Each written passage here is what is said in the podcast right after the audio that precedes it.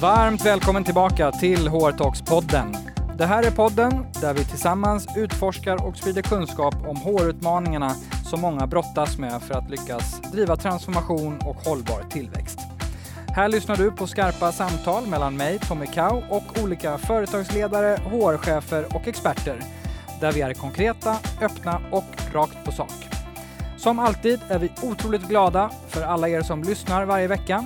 Ett extra stort tack till dig som ger oss feedback, ställer lyssnarfrågor, prenumererar, betygsätter oss och engagerar dig på HR Talk-poddens LinkedIn och Instagram.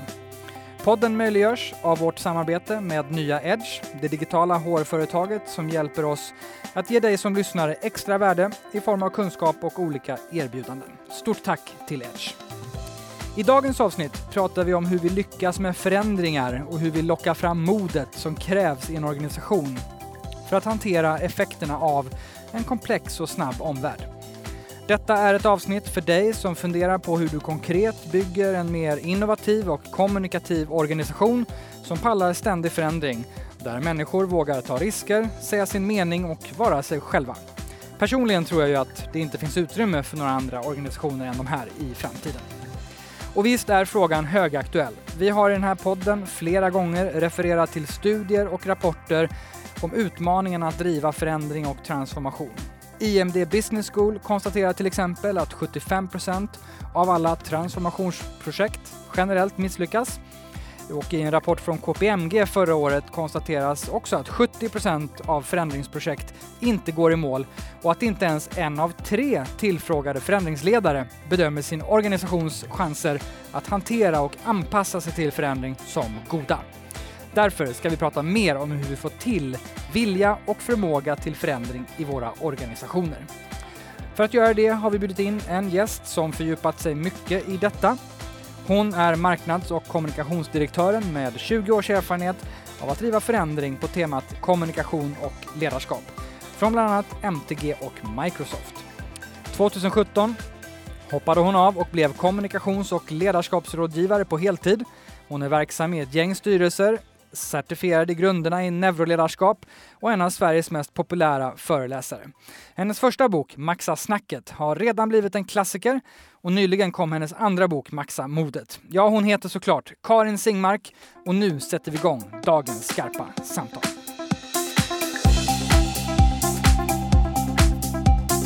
Hjärtligt välkommen till Horitox-podden, Karin Singmark. Tack så mycket. Hur känns det nu att som gammal marknads och kommunikationsdirektör vara med i en podd om just HR-utmaningar? Det känns precis hur bra som helst. HR ligger väldigt nära hjärtat och nära marknad och kommunikation. Så det känns självklart. Det ska vi nog eh, gå in mer på, men det är otroligt kul att ha dig här. Som du vet går vi i den här podden rakt på sak. Och jag ville läsa upp introt till din nya bok, Maxa modet. Det finns idag få organisationer som inte känner pressen av att tvingas tänka om och tänka nytt. Digitalisering och globalisering driver på förändringstakten och nya sätt att effektivisera, förbättra och lösa problem dyker upp dagligen. Som organisation behöver man vara modig. Man behöver vara framåtlutad, lyssna på det som sker i vårt samhälle och tillsammans med kunder, samarbetspartners och andra skapa förutsättningar för ständig förändring. För alternativet, att stanna upp och sluta utvecklas, finns inte. Vad är den största utmaningen med att få med oss människor på den här förändringen som du skriver om? Det jag säger är ju att man, när man är en kommunikativ organisation, öppnar upp och lyssnar och för dialog och driver förändring. Och jag tror det är det där som är utmanande.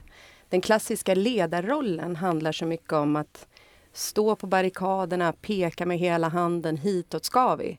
Men jag tror att dagens ledare behöver facilitera förändring och det är en helt annan typ av ledarroll som krävs för det. Och det här ska vi verkligen fördjupa oss i idag. Det här kommer bli ett samtal både kring dina erfarenheter eh, och lärdomar men eh, också kring olika scenarion som eh, vi tror att många lyssnare kan känna igen sig i och fråga över. Vi har också fått otroligt bra lyssnarfrågor Eh, vi är så tacksamma och de är, eh, några är lite kluriga. Men eh, det vi har konstaterat redan det är att det här ämnet är just klurigt. Så vi är glada att de frågorna har kommit in så att vi får bena lite i dem. Men man kanske ändå ska börja med ett steg bak och titta runt omkring oss. Något som du är otroligt duktig på. Vad menar du att våra organisationer idag faktiskt behöver klara av att möta? Alltså vad ser du för utmaningar både idag men också framåt som vi faktiskt behöver palla att hantera som organisationer? Ja, men livet var ju rätt så enkelt förr i tiden fast det insåg vi kanske inte då. Men eh, innan digitalisering så var ju eh, vi verksamma i en lugnare omvärld. Vi hade lättare att kunna förutspå framtiden och kunna prognostisera resultat och så vidare. Men idag med digitalisering som egentligen bara handlar om en väldigt hög förändringstakt som eh, den utvecklingen ger oss, så innebär det ju att vi, eh, vi, vi måste hantera osäkerhet. Hantera den komplexitet som det innebär att inte kunna veta vad som väntar bakom hörnet. Och det är utmanande för väldigt många. Vad, var i har du lärt dig ligger den absolut största osäkerheten idag? Men jag tror vi pratar väldigt mycket om att vi ska vara kundfokuserade och förstå liksom, eh, kundens behov och eh, anpassa oss ut efter det.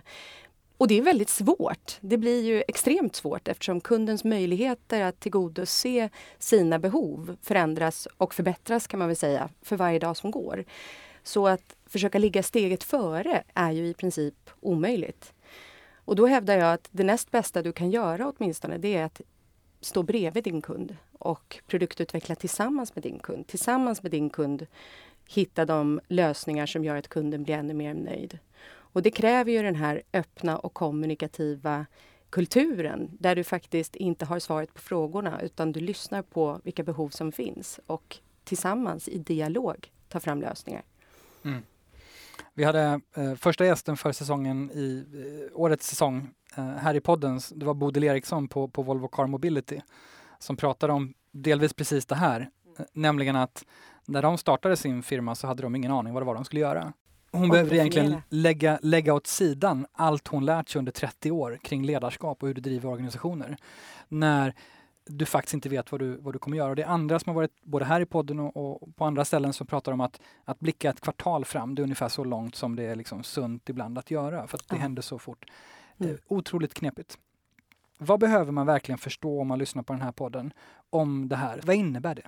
Ja, men det innebär att vi måste sluta fatta beslut i stängda rum med hjälp av vår egen data och gammal data, historiska siffror, försäljningsstatistik och kundundersökningar och sen delegera bort kommunikationen till någon annan. Istället så måste vi förstå att medielandskapet idag handlar om att bygga relationer. Det handlar om nätverk och dialog. Så ledare idag måste ju förstå att man behöver göra jobbet själv. Alltså man måste kavla upp ärmarna och man måste bli en kommunikativ ledare som faktiskt förstår precis vad kunderna behöver här och nu idag. Och tillsammans med kunderna, precis som influencers alltid har varit så otroligt duktiga på att göra. Bygga liksom ambassadörer och fans genom att vara transparent med utmaningarna vi har och möjligheterna och, och osäkerheten och allt det där. Om man öppnar upp och är transparent och ber om hjälp så vill folk faktiskt ofta hjälpa till. Men det kräver mod att göra det. Men också tänker jag att precis det du beskriver eh, gäller även för HR. Mm. Som måste kommunicera, engagera, medskapa en eh, medarbetarupplevelse och dessutom driva affär och produktutveckling från sitt håll. Absolut, verkligen så. Jag tror att HR måste föregå med gott exempel här. Um, och en grej man bör tänka på där tror jag som HR är ju att liksom, sluta tänka den här tydliga uppdelningen mellan intern och extern information. Mm. Utan förstå att när vi kommunicerar externt så lyssnar våra medarbetare ännu mer. För det kräver mod att gå ut och prata externt om vårt syfte och våra värderingar, vår vision, vartåt vi är på väg, våra utmaningar och så vidare. Eh, så att jobba kommunikativt och tänka faktiskt främst externt, eh, även vad gäller den interna kommunikationen, tror jag är jätteviktigt. Mm. Men ska man tänka då att när man vi kommer nog fördjupa oss mer i det här i samtalet, men ska man tänka att man när man planerar sin interna kommunikation ska man tänka det här kommer flyga externt, vare sig vi vill eller inte? Eller handlar det om att man eh, ska tänka extern kommunikation och se vad kan vi göra internt som eventuellt får fötter? Alltså vad tror du är... Jag tror så här, ehm, vi ska tänka på eh, vi ska sätta alla de stora frågorna som handlar om vår vision, vårt syfte, våra värderingar och verkligen jobba ut efter det. Ehm, och kommunicera kring det hela tiden, internt och externt. Och om vi är duktiga på att faktiskt också kommunicera externt om de här frågorna så kan vi skapa ett engagemang hos kunder eh, att vilja vara en del av vår resa och hjälpa oss med den. Och vi kan också, om vi tänker en utmaning som många organisationer har, är ju de här klassiska silosarna mm. och det tuffa med att få till samarbetet. Och här tror jag också att kommunikation kan underlätta otroligt mycket. Och även där då, om du tänker snarare öppna upp och jobba med eh, relationsbyggande plattformar. Vad upplever du Eh, och vad är ditt budskap kring vad innebär det här för organisationen? Vad ställer det här för krav på en organisation? Om man sitter idag som lyssnare och är antingen företagsledare eller mellanchef eller, eller HR-ledare för den delen. Det här innebär ständig förändring. Eh, en insikt om att förändring är eh, tufft och jobbigt. Det tar tid. Det handlar om människor eh, och alla våra känslor som kommer i förändring. Eh, så det måste få ta sin tid. Ehm, men vad gäller organisation och avdelningar och så vidare, där handlar det om att vi måste släppa eh, det här behovet av kontroll som ofta bygger på ett behov av trygghet. Eh, jag kan det här, så mitt ansvarsområde är detta. Eh, och istället försöka lägga fokus på det som är det gemensamma, vårt syfte och våra värderingar. Det är det som ska styra eh, så att vi lättare kan samarbeta runt gemensamma målsättningar som vi sätter baserat på syfte och värderingar. Mm. Snarare än de här avdelningsspecifika och framförallt individspecifika uppdragen vi har. Mm. Apropå att riva, riva silos. Vad, vad är det lättaste sättet för att släppa kontroll? För, för någonstans eh, kommer vi tillbaka till i många samtal att det är där det börjar. Mm. Sen behöver du värderingar och alla de här grejerna också, men du behöver individer som eh, har lätthet till att släppa kontrollen. Mm. Oh, det, jag tror inte det finns något enkelt svar på det. Jag tror att man måste utgå från sig själv, börja med sig själv. Eh, ifrågasätta huruvida eh, man är trygg. Eh, och om man inte är det, varför är man inte det? Eh, och sen utmana sig själv i det lilla. Och det kan handla om att öppna upp och ehm, kanske exempelvis ta LinkedIn. Eh, testa att skriva ett inlägg som handlar om din personliga resa, din personliga utveckling, att du behöver kanske lite pepp och inspiration och hjälp och så vidare. Att göra en sån sak bara för att se hur det tas emot. Och sen är ju det där en resa. Det, kommer ju liksom, det kräver ju tid och det kräver engagemang från dig som ledare mm. och dig som individ för att du ska bli modig och kommunikativ. Och det känns som att, att släppa kontrollen är, är, det som krävs för att kunna vara modig. Absolut. Också. Absolut. 100 procent så. En sak som du kommer tillbaka till eh, otroligt mycket i det du, det du gör och också i din senaste bok är eh, tillit. Ja. Och det var faktiskt eh, den insikten som gjorde att det blev en bok nummer två. Ja. Vad är de konkreta fördelarna med att ha tillit i sin organisation? Ja, men tillit är ett brett begrepp och, och, och det, tar så, det, är, det är svårt att prata enkelt om det för det tar ju lång tid att bygga upp tillit. Och tillit är ju ömsesidigt. Du förtjänar ju tillit, det är ingenting du, du kan åstadkomma bara sådär. Eh, men tillit, och det är mycket forskning som har gjorts på det här temat. Om man har en organisation som präglas av en hög nivå av tillit, då har man medarbetare som känner engagemang, som blir mer produktiva, eh, som samarbetar bättre, som mår bättre. Vi har färre eh, sjukskrivningar eh, och så vidare. Så det är så otroligt mycket positivt som kommer med en hög nivå av tillit i en organisation. Jag vill tacka vår samarbetspartner Edge. Vill du som HR-ledare eller chef göra din organisation till en av Sveriges tryggaste och schysstaste arbetsplatser? Som en del av HR-koncernen Wise Group hjälper nya Edge över 3000 kunder att förenkla och effektivisera sitt strategiska och operativa HR-arbete. Med nya Edge får du tillgång till mallar, dokument, checklister, kalkyler och svar på alla frågor inom HR. Och det bästa av allt, du kommer igång direkt online och i mobilen. Jag tycker att du ska börja förenkla din HR-vardag direkt genom att kolla in edgehr.se hrtalks. Där kan du kostnadsfritt prova på deras smarta HR-produkter. Edge, HR made easy helt enkelt. Okej, okay, men det är så uppenbart att det är det här vi behöver. Vad i hela friden är det som är så svårt då?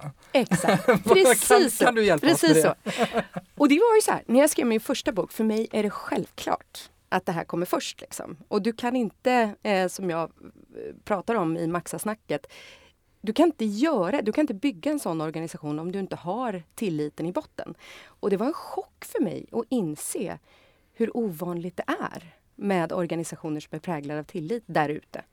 Eh, så det var därför den här andra boken kom till, precis som du sa. Eh, jag tror att det handlar om en... O, alltså vi, vi har en alldeles för låg förståelse för hur vi människor faktiskt agerar. Någonstans så tror vi att vi är rationella, logiska varelser, men det är vi ju inte. Vi är varelser som agerar känslostyrt och sen maskerar vi det med olika rationella och logiska argument som vi har präglats att göra, framförallt då i, i, eh, i affärsvärlden. Jag nämnde ju ehm, eh, lite rapporter inledningsvis, men det finns en annan rapport som visar eh, Gartner som vi har refererat till i, i något annat avsnitt. Vi lägger med länk till det också. Men de konstaterar att medarbetare i snitt har upplevt 19 organisationsförändringar ja. på ett år. Herregud. det, ja, eh, det är um, du menar att många idag lider av eller lever i förändringsutmattning. Ja. Låt oss skala det lite. Vad menar vi med mm. förändringsutmattning? Mm. Eh, jag möter många organisationer som, som är helt slutkörda. Eh, mycket på grund av det här. Att man har drivit väldigt mycket förändringar på väldigt kort tid. Och det kan vara organisationsförändringar men det är också förändringar i form av ny tekniska liksom, lösningar som ska in, nya sätt att samarbeta och nya sätt att mäta och följa upp. Det är jättemycket förändring. Um, och jag tror ju att vi måste någonstans, eller så här, först och främst, jag tror att det händer på grund av en avsaknad av förståelse för hur vi människor agerar i förändring. Mm. Vi är programmerade att faktiskt eh, ifrågasätta förändring och ibland till och med motarbeta förändring, för förändring är farligt. Den förståelsen finns sällan, så heja HR, snälla gå ut och hjälp till och få, få till förståelse för det här. Du har sagt att forskning de facto visar att vår hjärna aktivt motarbetar förändring. Och där är du djupdyktig för du är också certifierad i neuroledarskap som en del av, av, av den här eh, världen. Grunderna i neuroledarskap måste jag flika in för det är så sjukt komplext. Jag okay, har, jag har all respekt för eh, alla som jobbar med det här för det är ju väldigt komplext. Men ja. Berätta om hur, vad, vad neuroledarskap um, innebär, hur hjärnan funkar i förändring. För tillbaka till att det är det här som du nämnde är är den, den stora utmaningen, den här känslomässiga laddningen för ja, förändring. Ja. Um, det vi gör är att så fort vi ställs inför en förändring, eller så här, jag brukar alltid fråga folk, tycker ni om förändring? Gillar ni förändring? Och alla, alla säger ja, Jaha, klart vi gillar förändring, förändring är skitkul! Förändring är men samtidigt motverkar hjärnan aktivt förändring. Ja, men saken är den att när vi själva styr förändring så är det ju jättekul. Mm. Alltså när vi, när vi själva har kontroll. Mm. När vi bestämmer, ja men det här ska jag förändra och jag ska börja då och så här ska jag göra. Då är ju förändring fantastiskt kul. Men, och, och, varför är det kul då? Ja, men för då planerar vi. Då ja. använder vi liksom den del av vår hjärna som... Ja precis, mm. och vi ser ett värde av det själva för vi har ju bestämt och så vidare. Så då finns det ju liksom... Sen är det i och för sig väldigt svårt att, att få till en förändring också i de fall där vi själva styr för att våra vanor är väldigt starka. Mm, så det är inte bara positivt att själv leda. Så jag tänker så här att om man sitter i en situation där någon annan har bestämt hur du förändrar, mm. eller ska förändras, mm. och vad. Du har inte tid att planera hur du ska göra i den Nej. och du har dina gamla vanor. Ja, det är rätt kört. Recept för framgång. Det är rätt kört. Mm. Och sen är det ju det, just det här att när vi ställs inför en förändring som vi själva inte har eh, initierat och som vi själva inte kanske förstår. Eh, då reagerar vi med att direkt börja tänka, okej okay, hur påverkar det här mig? Hur påverkar det här min status i gruppen? Hur påverkar det här relationerna till andra medarbetare? Hur påverkar det min framtid? Eh, och mina framtida arbetsuppgifter och sådär. Alla de där frågorna kommer naturligt upp som gör att vi hamnar i ett läge där vi känner oss hotade. Mm. Och när vi känner oss hotade, vet du vad vi gör då? Nej. Då har vi en tendens att alltid ta till maktmedel på olika sätt. Härskartekniker är klassiska i väldigt konkurrensutsatta situationer när människor känner sig hotade, oroliga. Mm. Och det, det gör mig jätteoroad. Att i den här förändringen som många befinner sig i så när man driver förändring utan att förstå hur vi människor reagerar i förändring så blir det så mycket negativa beteenden kopplade till den här förändringen. Där människor mår riktigt, riktigt dåligt. I det här då, om vi går tillbaka till tillit eh, som medlet för att lösa en del av det här, både för cheferna själva och för, för andra. Eh, hur gör man det konkret? Jag tror att man eh, behöver samla alla runt ett gemensamt varför som är större än de individuella uppdragen som finns i organisationen. Så skapa en känsla av samhörighet som ett varför ofta ger. Um, värderingar är också en sån sak som skapar trygghet för då blir det tydligt vilka regler vi har. Värderingar blir ju som regler, hur vi ska agera. Och de skapar trygghet. Så samhörighet och trygghet kan vi checka av i och med att jobba med de här sakerna. Sen tror jag att eh, vi behöver ha mål som är kopplade till det gemensamma snarare än det individuella. För att det blir jättelätt att det här syfte och värderingar och sådär, det är fina fluffiga projekt som någon driver men vi mäter faktiskt bara budget eh, liksom på kvartal. Det är det enda vi mäter. Och då styr vi ju liksom inte. Eh, utöver det så tror jag att eh, vi har varit inne på det, men det här med att öppna upp och visa sårbarhet är så otroligt viktigt. För då säger man också till människor att i den här världen som präglas av osäkerhet och mycket frågetecken så måste vi våga ta risk. Och när vi tar risk så måste vi, klar, vi måste kunna misslyckas. Och snarare kanske att det till och med helt eh, någonting vi till och med uppmuntrar. Att det ska vara liksom någonting som vi strävar efter. För när vi misslyckas då har vi lärt oss någonting. Och allt det här sammantaget när man bygger då en tillitsfull organisation. Ingenting kan göras om vi inte på riktigt känner varandra. Så att faktiskt avsätta mm. tid för att umgås och lära känna varandra.